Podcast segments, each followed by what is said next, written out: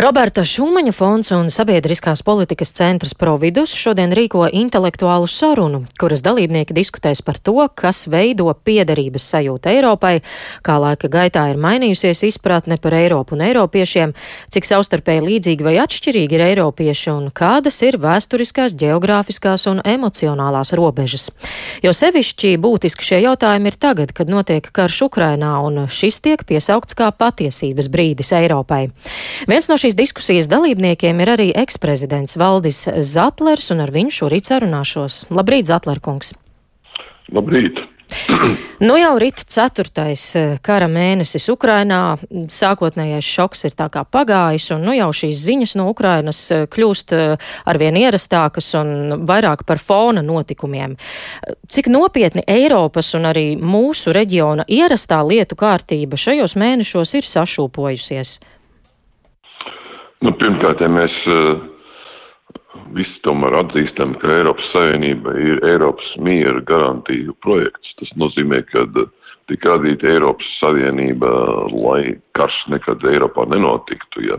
Tad uh, šī pamatvērtība un šis pamatmērķis, kāpēc eksistē Eiropas Savienība, šobrīd ir uh, apdraudēts. Apdraudēts tieši Krievu uzbrukumu dēļ uh, Ukrainai.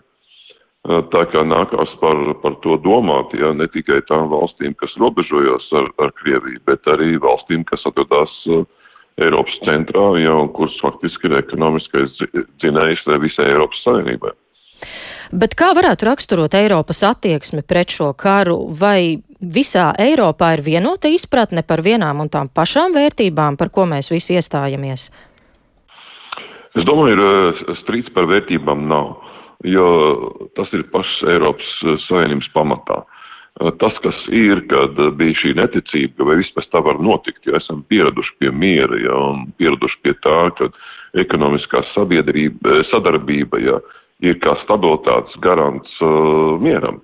Nu, tad izrādījās, ka tas tā nav.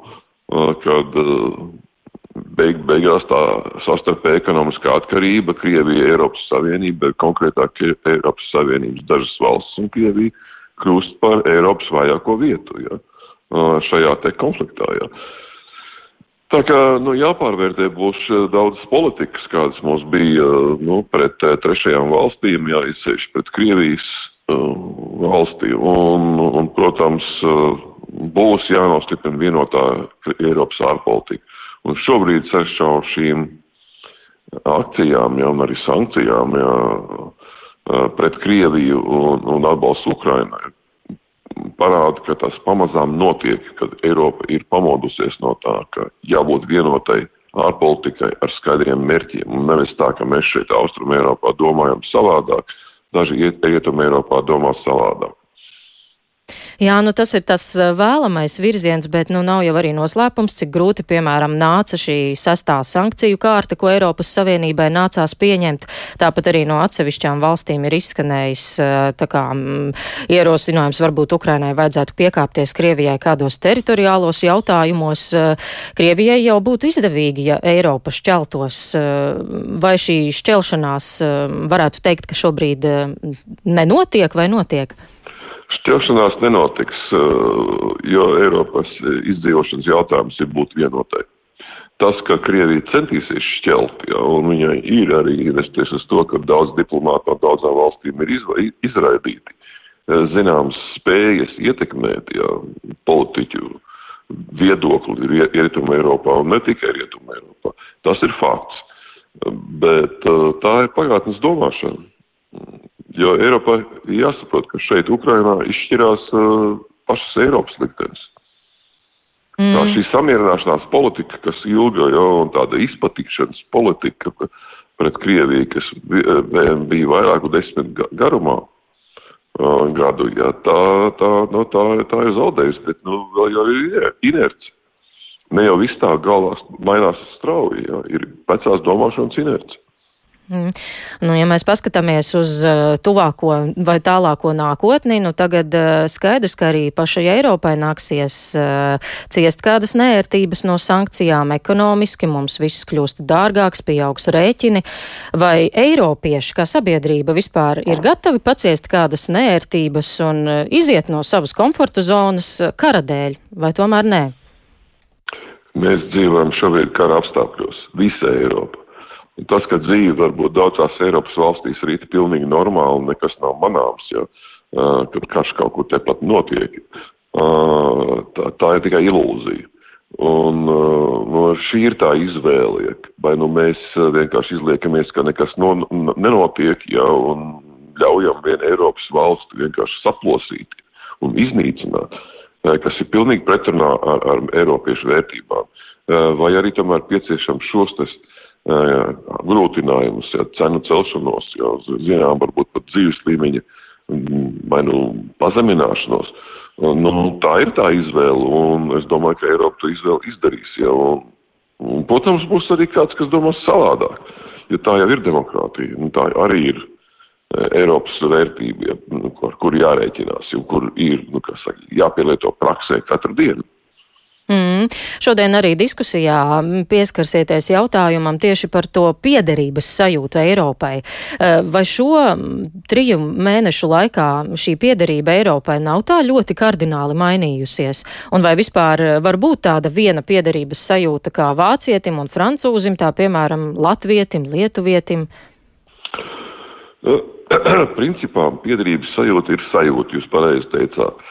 Tātad viņa ir, bet tieši kā viņa izpaužās, nu, tur ir atšķirības un vienmēr būs atšķirības. Bet, ja mēs paskatāmies, piemēram, uz Latvijas sabiedrību, tad šī piedrības sajūta Eiropai, ja, varbūt ir viena no tā stām sajūtām, kas neļauj, kas saka, rasties konfliktiem Latvijas sabiedrībā. Jo nu, tā ir vērtība, ja, ko arī esam, Latvijas krievi, ja nesties uz savu emocionālo stāvokli, uh, vērtē visaugstāk. Tā kā mēs pēkšņi ieraugām pavisam jaunā gaismā to, cik svarīgas ir Eiropas vērtības un cik svarīgi ir piedarības sajūta Eiropai. Mm. Noslēgumā vēl atgriežoties pie kara gaitas un norises, kā jūs redzat tālāku notikumu attīstību šajā karā? Nu, tagad nesen Krievijas propaganda atkal ir piesaukuši trešo pasaules karu, un vakar bija ziņa, ka Krievija rīko kodolspēku mācības. Kur tas viss aizvedīs? Nu, Krievija izmisīgi eh, cenšas uh, sasniegt kaut vai kādus minimālos mērķus no tiem, kas viņiem bija sākumā. Ja. Kāpēc es saku izmisīgi, ja, jo šī te, nu, kodoli ierakšu draudu pieminēšana ik pa brīdim, ja trešā pasaules kara pieminēšana, kad viņi karo tagad pret visu pasauli, nu, tā, tā ir propaganda, kādā veidā tiek mobilizēta Krievijas sabiedrība. Uz pil, īstenībā pilnīgi bezjēdzīgu karu, kurā bezjēdzīgi krīt krievu cilvēki. Zaudēt dzīvības, tiek sakropļoti, ja, un, un grūti saprast, ka kurā brīdī Krievijas sabiedrība attieksies. Bet tas ir ļoti svarīgi, ja, jo mēs varam šeit darīt, ko gribam, ja, bet jāattiecās ar Krievijas sabiedrībai, jo tautas izbeidz karus. Sāk politiķi, vadoņi, valdnieki, ja, bet eh, tautām kādreiz apnīk karot, ja viņas neredz mērķi, kāpēc viņas karo. Un, un tur man gan jāpiekrīt tie, tiem ekspertiem, kas saka, ka varbūt uh, 100 tūkstoši kritušo, jā, kas nozīmē, ka ir vismaz 3-4 reizes vairāk ievainoto. Būs tas, tas kritiskais skaitlis, jā, kad, kad vienkārši Krievija pati sāks domāt par to, ka karš ir jāizbeidz. Jo šobrīd viņi tā nedomā. Mm. Vai Eiropa izturēs šo pārbaudījumu, un vai Ukraina izturēs? Uh, Ukraina noteikti izturēs. Jo, redziet, šeit ir tā, tā, tā, tā viens zemnieku tautas tomēr, nu, pieķeršanās savai zemē. Zemē, kas baro, ja, zemē, kas ir mantot no, te, no senčiem, ja, un, un, un šī sajūta, ka tā ir mana zeme, ja, un man viņa jāaizstāj, un man grib viņu atņemt, ja, tā ir ļoti spēcīga e, motivācija cīnīties. Eiropa, Eiropa pamazām kļūst ar vien redzīgāk šajā konfliktā un saprot, kur ir šī konflikta būtība. Bet pamazām, diemžēl pamazām. Mēs šeit Latvijā ātri sapratām, jo mums ir šī te vēsturiskā pieredze. Mēs redzam šīs te analoģijas ja, ar to, kas ir noticis ar mūsu tautu. Jā, nu, ar to arī beigsim šorīt mūsu sarunu. Paldies, eh, saku eksprezidentam Valdim Zatleram.